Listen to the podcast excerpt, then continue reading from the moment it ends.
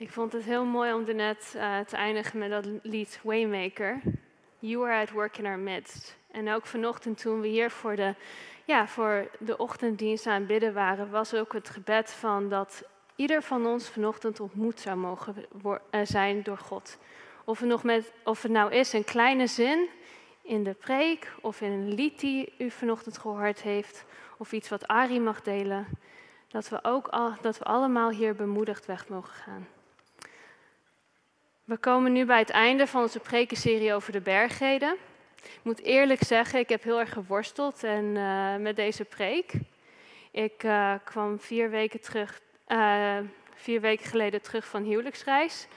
En toen zag ik, oh, ik ga sta over vier weken ingeroosterd om te spreken.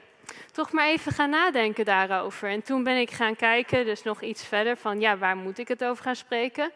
En toen zag ik dat ik een prekenserie mocht eindigen waar ik het begin niet eens van heb meegemaakt. Dus ik dacht van, oh boy, waar gaan we hiermee uh, op? En toen zag ik ook nog dat het maar één Bijbelvers was waar ik over moet spreken. En toen dacht ik van, één Bijbelvers, daar kan je zoveel kanten mee op waar gaan we aan beginnen? Maar goed, ik had bijna zelfs de gedachte van misschien dat ik Christian nog even vraag om uh, met me van onderwerp te wisselen. Maar toen zag ik vorige week dat hij het over valse profeten moest hebben. En toen dacht ik, laat maar zitten. Ik hou het bij Matthäus 7, vers 12.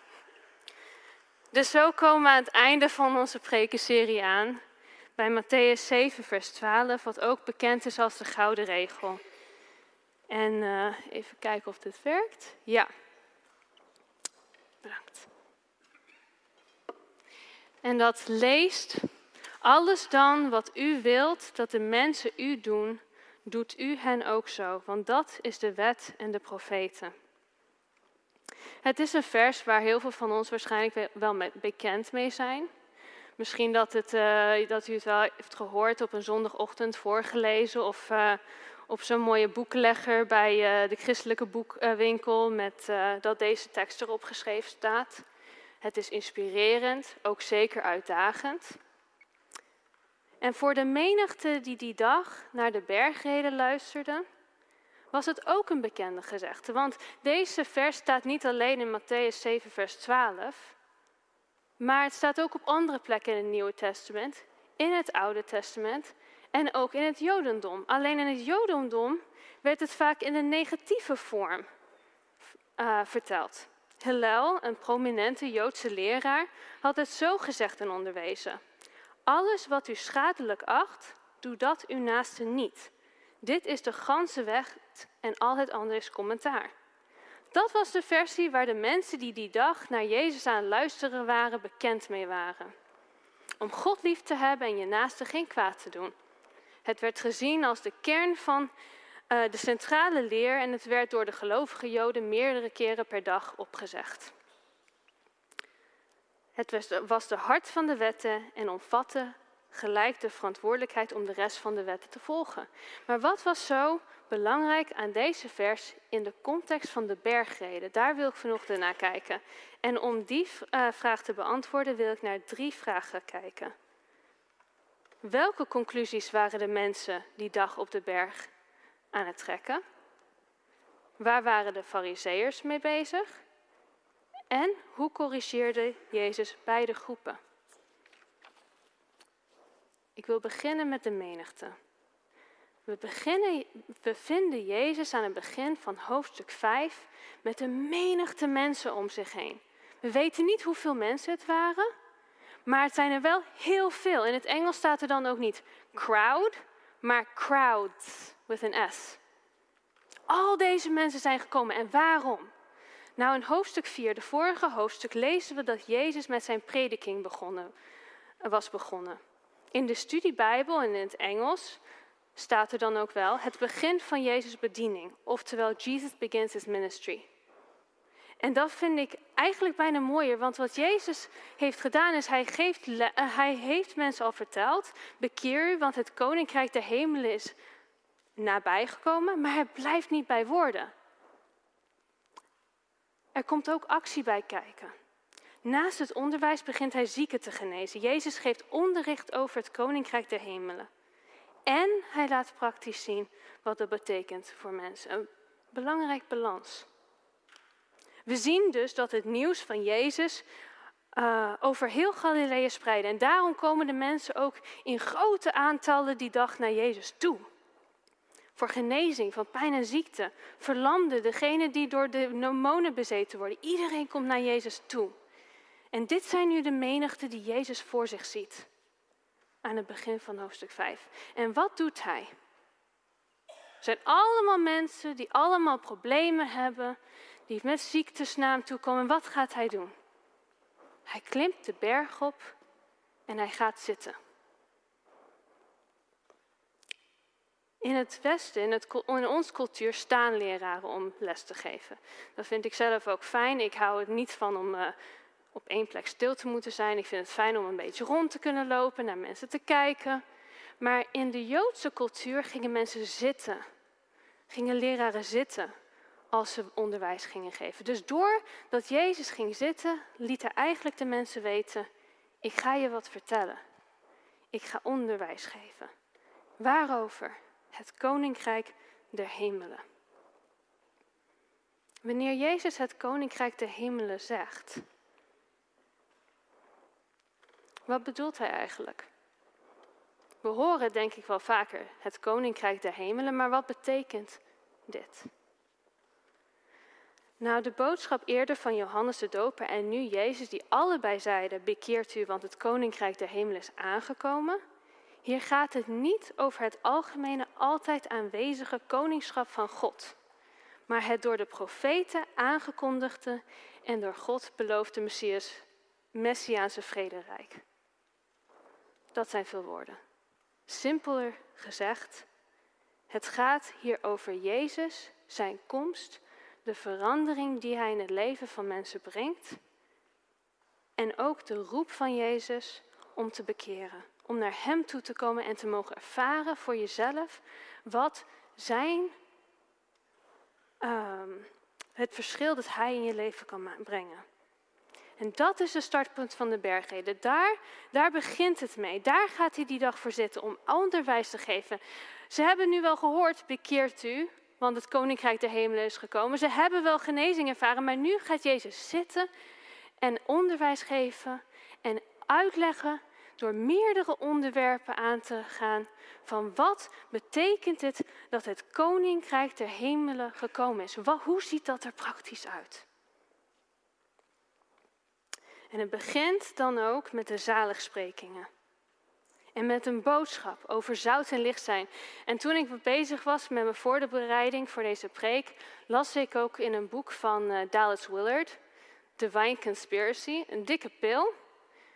Gaat alleen maar over de bergreden. Als je dieper na deze preekserie nog steeds op de bergreden in wil gaan, zou ik het zeker uh, aanbevelen. Maar ik zat daarin te lezen en, vond ik, en ik vond het heel mooi wat hij over deze start van de bergreden zei. Want het begint met de zaligsprekingen. En wat hij eigenlijk benadrukt, Jezus, is dat het juist de normale mensen zijn die een licht en een zout in de wereld zijn doordat ze met een gezegend leven in het koninkrijk leven. Het gaat dus hier niet over de christelijke held. Soms krijgen we die indruk als we de bergreden lezen, want dan is het van wow, moet, dat is wel heel erg uh, een hoge standaard. Maar wat Jezus juist begint om in het helemaal in het begin te neer te leggen, is dat het juist voor iedereen is. Voor de alledaagse mensen. Het is heel praktisch, de bergreden. Iedereen die mag zijn geloof op een heel praktische manier uitleven in het koninkrijk Gods. En zo begint het. En dan komen we bij vers 17 in hoofdstuk 5. En daar wil ik vanochtend wat dieper over ingaan. Hoofdstuk 5, 17 tot en met 20. Want dat is echt de sleutel naar de bergheden. Als we die, deze versen niet begrijpen, dan kunnen we de rest van de bergheden ook niet eigenlijk in het juiste perspectief zetten. En dus ook hebben we dit nodig om Matthäus 7, vers 12 te uh, begrijpen. Waar Jezus begint en hij zegt in vers 17: Denk niet dat ik gekomen ben om de wet of de profeten af te schaffen. Waarom zou hij dit zeggen? We hebben het net over de zaligsprekingen gehad. Blessed be. We hebben het gehad over zout en licht in deze wereld zijn. En nu gaat hij het hebben over de wet en de profeten. Belangrijk is om te, uh, hiervoor is om na te denken aan de mensen, de menigte die toen bij naar Jezus luisterden. Want zij waren een verkeerde conclusie aan het trekken. Wat hadden ze tot nu toe van Jezus ervaren? Wat, welke boodschap hadden ze gehoord? Nou, ze hadden genezing meegemaakt. Ze hadden dus inderdaad nu ook net de zaligsprekingen meegehoord. Ze hoorden onderwijs over hoop en vreugde. En het klonk allemaal zo mooi. En het klonk zo anders dan wat ze van de fariseërs gewend waren. Als ze naar de fariseërs luisterden, dan kwamen ze thuis met een last op hun schouders. Dan voelden ze zich zwaar.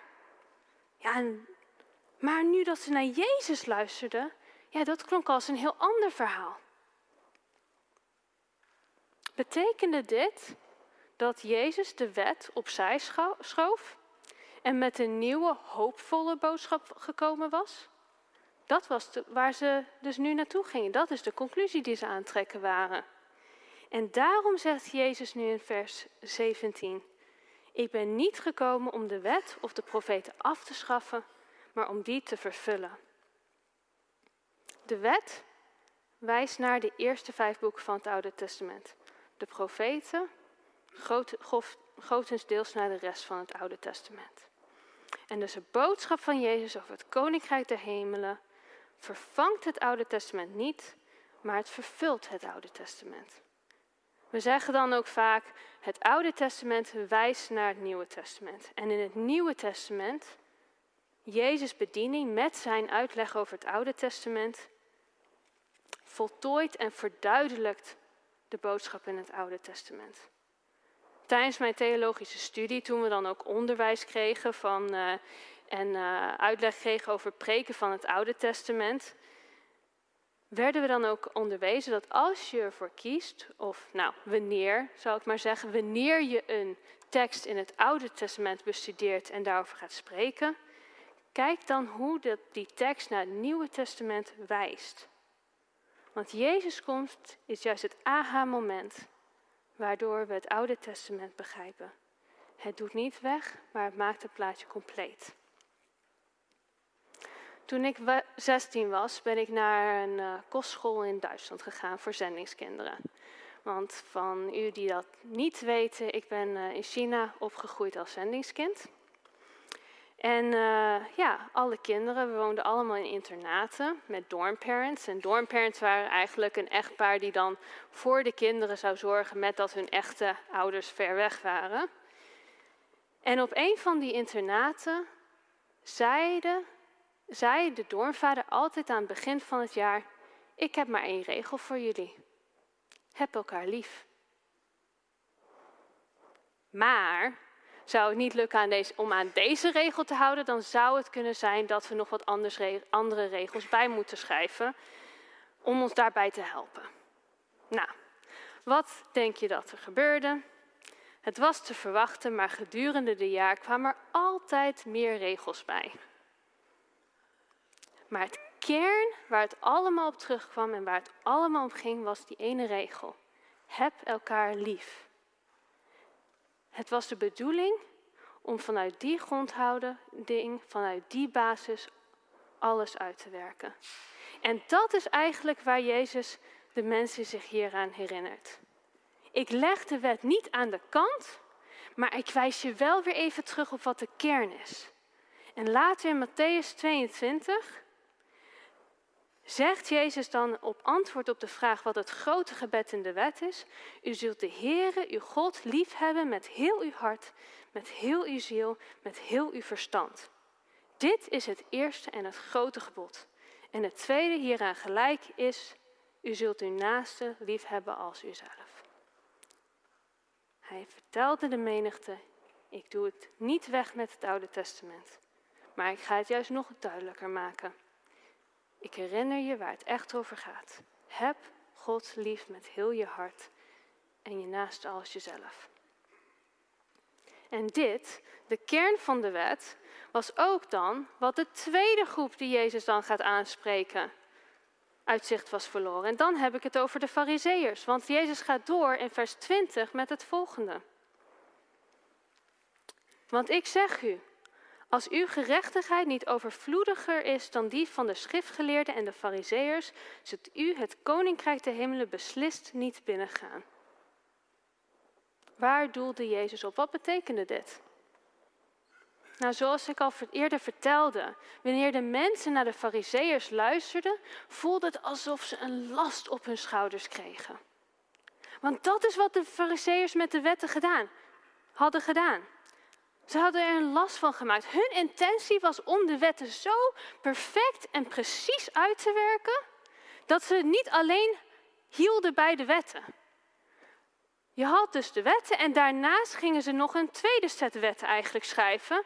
Van dit is wat de wet van God zegt. En om te zorgen dat, zeker te weten dat we dat goed uit gaan werken, schrijf ik nog een tweede set schrijven we nog een tweede set wetten, zodat jullie precies weten wat jullie dan moeten doen. Dus bijvoorbeeld, je had het gebod van de Sabbat, rust op de Sabbat. En wat de Fariseërs dan gingen doen, nou, voor de verheldering, voor de verduidelijking, hebben wij 39 categorieën bedacht van wat onder werk valt. Dus dit mogen jullie op de Sabbat niet gaan doen. Zo mocht je dus bijvoorbeeld niet uh, je spullen tillen of dragen verder dan een bepaalde afstand. Maar daarbij hadden ze wel weer een specifieke uitzondering gemaakt voor het dragen van kleren. Dat, dat mocht wel weer op de Sabbat. Gelukkig maar. Ze wilden het allemaal zo goed doen.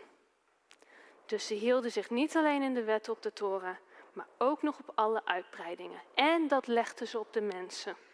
En hierin maakten ze hun grootste fout. Ze vergaten waar het eigenlijk om ging, het hart. Ze deden het zo goed en ze waren daar trots op. En dat beeld Jezus uit, heel mooi uit, of heel sterk uit, in Lucas 18, waar we lezen over de fariseer en de tollenaar, die allebei naar de tempel gaan. En terwijl de tollenaar daar neerknielt met berouw in zijn hart, staat de fariseer op, kijkt naar de tollenaar en bidt, O God, ik dank u dat ik niet ben zoals andere mensen, rovers, onrechtvaardigen, overspelers of ook als deze tollenaar. Ik was twee maal per week. Ik geef tiende van alles wat ik bezit. Amen. Jezus noemt de fariseërs dan ook wit gepleisterde gaven. Wat een hele sterke beeld eigenlijk is. Want wat het eigenlijk betekent is je bent mooi aan de buitenkant, maar je bent rottend aan de binnenkant. Wanneer Jezus de fariseërs dan ook hypocrieten noemt, is dat niet omdat ze zichzelf gelovig noemen en de rest van de weken ja, het allemaal fout doen. Zo denken wij vaak aan het woord hypocriet. Maar wanneer Jezus de fariseërs hypocrieten noemt, is omdat het goede dat ze doen niet in lijn is wat met er in hun harten is. Alistair Begg, een Britse dominee waar ik graag naar luister, zegt hierover, maar hoe makkelijk wij zelf ook in de vuilkal van de fariseërs kunnen trappen. Dat we deze gedachten bij onszelf vinden. Gelukkig is het bij mij niet zo erg als bij hen. Of dat ze dat durven te doen. Dat past toch niet bij het christelijke leven. Waarbij in vers 20 de herinnering van Jezus is. Vergeet niet het hart. Vergeet niet waar het werkelijk om gaat. Het is makkelijk om het goede doen, te doen om goed te voelen. Dat deden de Fariseërs, die alles goed deden en daarin hun gerechtigheid zochten. Maar in het koninkrijk van God gaat het om het goede doen vanuit een hart dat veranderd is. En ik moest hierbij terugdenken aan een paar weken terug. Toen vertelde Nella, zendeling in Thailand, hoe zij met haar werk als zendingswerk begonnen was. En dat vond ik, was zo'n mooi beeld van wat hier eigenlijk staat. Want het begon voor haar bij een ontmoeting met Jezus. En daarna werd het een zoektocht, zoektocht naar betekenis en impact. Het ging om een hart dat veranderd werd, dat eerst geraakt werd door het goede nieuws en daardoorheen in beweging werd gezet. In de hoofdstukken na, vers 17 tot en met 20, gaat Jezus er nog dieper op in. Het koninkrijk van God, hoe dat eruit ziet. Hij, um, ja, ik was bijna van plan om hier weer even kort op in te gaan, maar er is veel te veel stof, veel te veel materiaal en we hebben het al heel erg uitgebreid in de afgelopen weken besproken. Maar nadat hij dus zoveel voorbeelden en onderwerpen behandelt over het koninkrijk der hemelen, komen we dan weer terug bij Matthäus 7, vers 12, waar Jezus het allemaal zo mooi samenvat. Alles dan wat u schadelijk acht, doe dat uw naaste niet aan. Want dat is de wet en de profeten.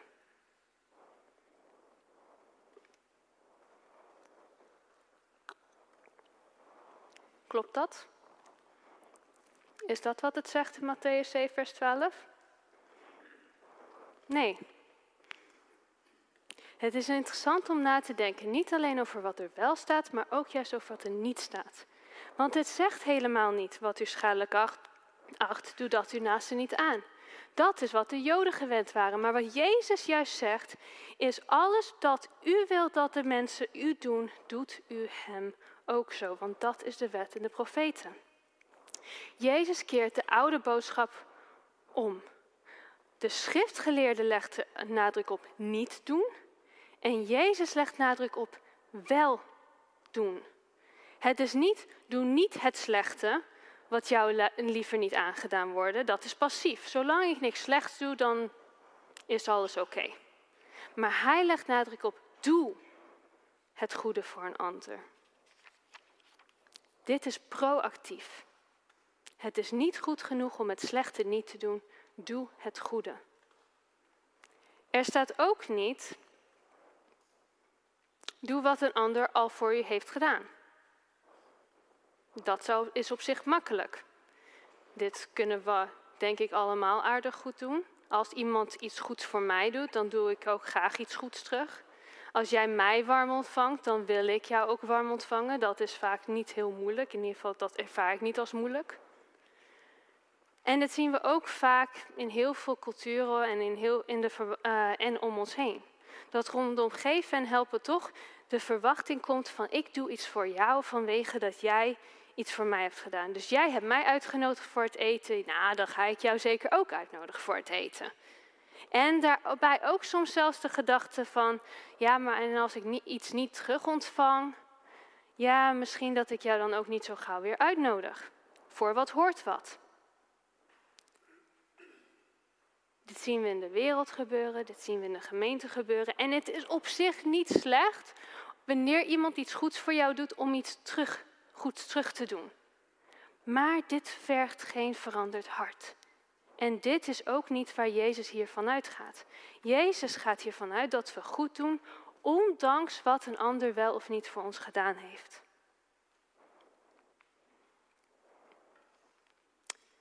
Wat staat er verder niet? Er staat ook niet, doe een ander goed, zodat de ander jou goed doet. Dit doelt op motivatie. Waarom doe ik iets voor een ander? Omdat ik eigenlijk verwacht iets terug te krijgen? Misschien als ik iets voor die persoon doe, doen zij weer wat voor mij? Dit maakten we heel vaak ook mee in de Chinese cultuur. Mijn moeder, eh, toen ze helemaal aan het begin van onze tijd in China aan haar taalstudie aan het werken was, nodigde een keer haar lerares uit uh, voor een maaltijd. En in China ga je dan naar een Chinees restaurant. Uh, en tijdens het eten vroeg haar leraar, die wel uh, ongewoon direct was, plotseling: Wat wil je van me? Wat verwacht je van me? Bij, het uitnodigen, bij de uitnodiging voor het eten ging ze ervan uit: ik word uitgenodigd omdat vanwege iets dat mijn moeder van haar zou willen vragen of verwachten. En deze gedachtegang, hoewel misschien minder openlijk, vinden we ook vaak terug in onze samenleving. terwijl ik met deze preek, de afgelopen week, terwijl ik met deze preek uh, bezig was, had ik ook een gesprek met iemand over goed doen en dat het goed was om te geven en goed was om goed te doen. Waarop de reactie was, ja, dat geloof ik zeker, want wie goed doet, goed ontmoet. Maar weer is het niet wat Jezus zegt. Hij zet cultuur weer op zijn kop hiermee. Jezus zegt: doe goed zonder de verwachting iets terug te krijgen. Nou, we zijn er bijna. Nog één puntje van wat er niet staat. Er staat niet: doe het minimum wat u denkt voldoende te zijn. Hij zegt juist: alles wat u wilt dat de mensen u doen, doe dat. Toen ik aan voorbeelden, eh, met voorbeelden bezig was, moest ik denken van misschien wat het het meest duidelijk um, neerzet is dat bijvoorbeeld voor mezelf zou ik mijn eigen stoep heel uitgebreid en netjes vegen, maar voor de buurman doe ik het toch even wat sneller en wat makkelijker. Of voor mezelf koop ik die mooie, gloednieuwe fiets, maar voor die donatie is een tweedehandsje ook goed genoeg. Nou, dan kunnen er ook mensen zijn die hier zeggen zo van ja, maar voor, maar voor mezelf uh, veeg ik de stoep ook niet goed. Uh, maar dat is niet uh, wat die voorbeelden proberen te neer te zetten. Het gaat om de contrast. Doe iets voor een ander, doe je iets voor een ander wat je zelf ook zou waarderen, of ga je daar wat onder zitten? Soms is het gevaar zelfs dat we iets geven of doen waar we zelf misschien niet eens blij mee zouden zijn om te ontvangen. Het mag wat kosten en dat is ook waar het eigenlijk in de koor van deze vers over gaat. Het is in wezen iets opofferen van onszelf, van ons tijd, van, onze, van ons bezit. Alles wat u wilt dat de mensen u doen, doet u hem ook zo. Dus even kort samengevat. Het is actief, doe. Het is niet gebaseerd op wat anderen voor ons doen. De tekst gaat ervan uit dat we het goede doen naar een ander, of ze nu wel of niet het goede voor ons, iets goeds voor ons hebben gedaan. Het is ook niet met de verwachting dat we iets per se terug zullen krijgen. Doe zonder de verwachting er wat voor terug te krijgen. En het mag wat kosten. Het is alles wat u wilt dat de mensen u doen, doet u hem ook zo. Want dat is de wet en de profeten. Mogelijk of onmogelijk? Het blijft een uitdagende tekst en daar worstelde ik mee toen ik dacht over mijn conclusie. Want is de opdracht nu voor vandaag, ga, doe dit en word daar, daarin binnenkort ontmoedigd, omdat je toch binnen de kortste tijd ontdekt dat het niet lukt? Nee. Maar daarom is het zo belangrijk om de boodschap van Matthäus 7, vers 12 in de context van hoofdstuk 5, 20, vers 17 tot 20 en in de context van het Koninkrijk der Hemelen te lezen. Want het Koninkrijk der Hemelen, de bergreden, begint met, hoe zeg je dat in Nederland, de assumption, de aanhaling, aannaming, oké. Het was wel grappig. Ik had laatst uh, met iemand over uh, dat ik wel vaker hier gesproken heb. En uh, de reactie was: Ja, je Nederlands is wel iets beter geworden. Dus er is nog wat werk te doen. Maar het gaat, het koninkrijk der hemelen begint met het ontvangen van Jezus, waarbij het goede doen komt vanuit de verandering in ons hart. En onze harten veranderen niet in één dag. Ik werk ook in change management. Verandering is een langzaam proces. Maar we mogen wel vertrouwen dat met dat we met God wandelen, hiernaar streven en hiermee worstelen, dat Hij ook in onze harten werkt, waarbij we telkens een stapje verder mogen komen, waarin we ook mogen terugkijken en zien hoe dat we wat verder zijn gekomen. Zowel in God als in ons naaste lief hebben. En dat we ook weten dat op een dag het werk in ons harten compleet mag zijn. Filippenzen 1, vers 6. Ik vertrouw erop dat Hij die in u een goed werk begonnen is, dat voltooien zal tot op de dag van Jezus. De vergissing van de, van de menigte was om te denken dat Jezus de wetten en de profeten aan de kant zette. De boodschap van, de het, koninkrijk der, uh, van de koning, het koninkrijk der hemelen is juist dat Jezus komst de wetten en de profeten vervult.